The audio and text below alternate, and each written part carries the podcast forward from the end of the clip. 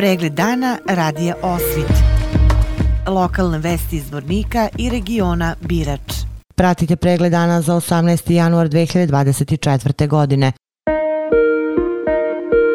Gradonačelnik Zvornika Bojan Ivanović je sa predstavnicima Dečijeg vrtića Naša radost posjetio objekat Neven u Karakaju. Posjetili smo vrtić koji od 15. januara pohađa 176 naših malih sugrađana. U posljednjih nekoliko dana rekonstruisali smo prostor u objektu Neven i time stvorili uslove da 14 mališana jasličke grupe započe svoje preškolsko obrazovanje. Također doći će do popunjavanja postojićih grupa, tako da od 1. februara još 42 mališana uzrasta od jedne do pet godina će krenuti u preškolsko obrazovanje. U sva četiri objekta dečijeg vrtića Naša radost, tri u gradu i jedan u Karakaju, upisano je trenutno 630 mališana i sa proširenjem kapaciteta prostora i grupa, taj broj će biti skoro 700 dece, rekao Ivanović. Pored toga, grad Zvornik finansira i preškolsko obrazovanje za 150 mališana po mesnim zajednicama na području grada.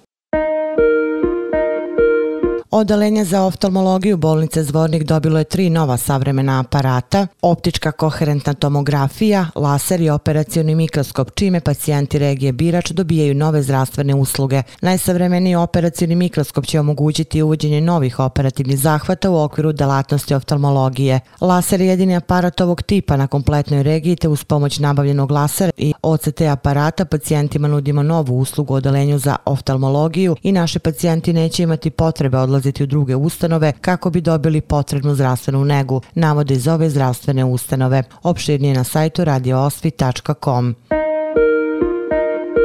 U kompaniji Alumina u radionicama automatike intenzivno se radi na novim razvodnim ormarima koji će služiti za sisteme upravljanja u okviru proizvodnih objekata, sušenih hidrati i fino precipitirani hidrati. Inženjer Vedran Markanović, koji je rukovodilac pogonskog održavanja automatike u sektoru elektroodržavanja automatika, kaže da se radi o poslovima u kojima je do izražaja došla domaća pamet i znanje, što će doprineti značajnim finansijskim efektima. Izvođenje radova vrši grupa automatičara koja je zadužena da pomogne za pogone kalcinacija, fino precipitirani hidrati i korund, koju čine poslovođa Aleksandar Krstić i automatičari Milan Simić, Branislav Lazić i Miloš Ivanović.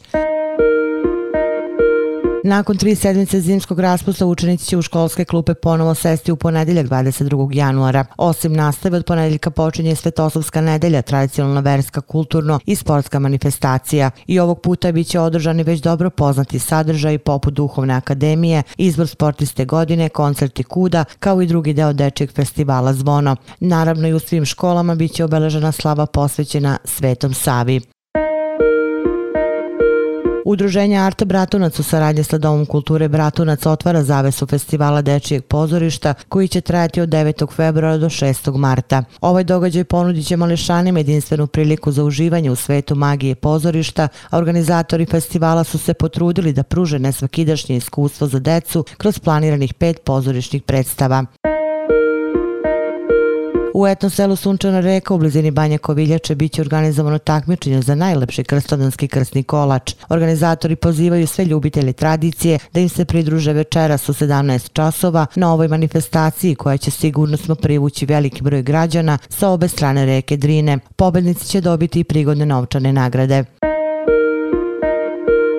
U bioskopu Centra za kulturu Vuk Karadžić 23. i 24. januara na repertoaru će biti filmsko ostvarenje Sluga 2. U nastavku ove duhovite filmske priče publika će biti u prilici da prati komična i uzbuljiva dešavanja oko glavnog junaka Griše, mladića iz više klase koji se našao u ulozi sluge iz prošlog veka, što ga je promenilo na bolje. Opširnije na sajtu lozničkenovosti.com.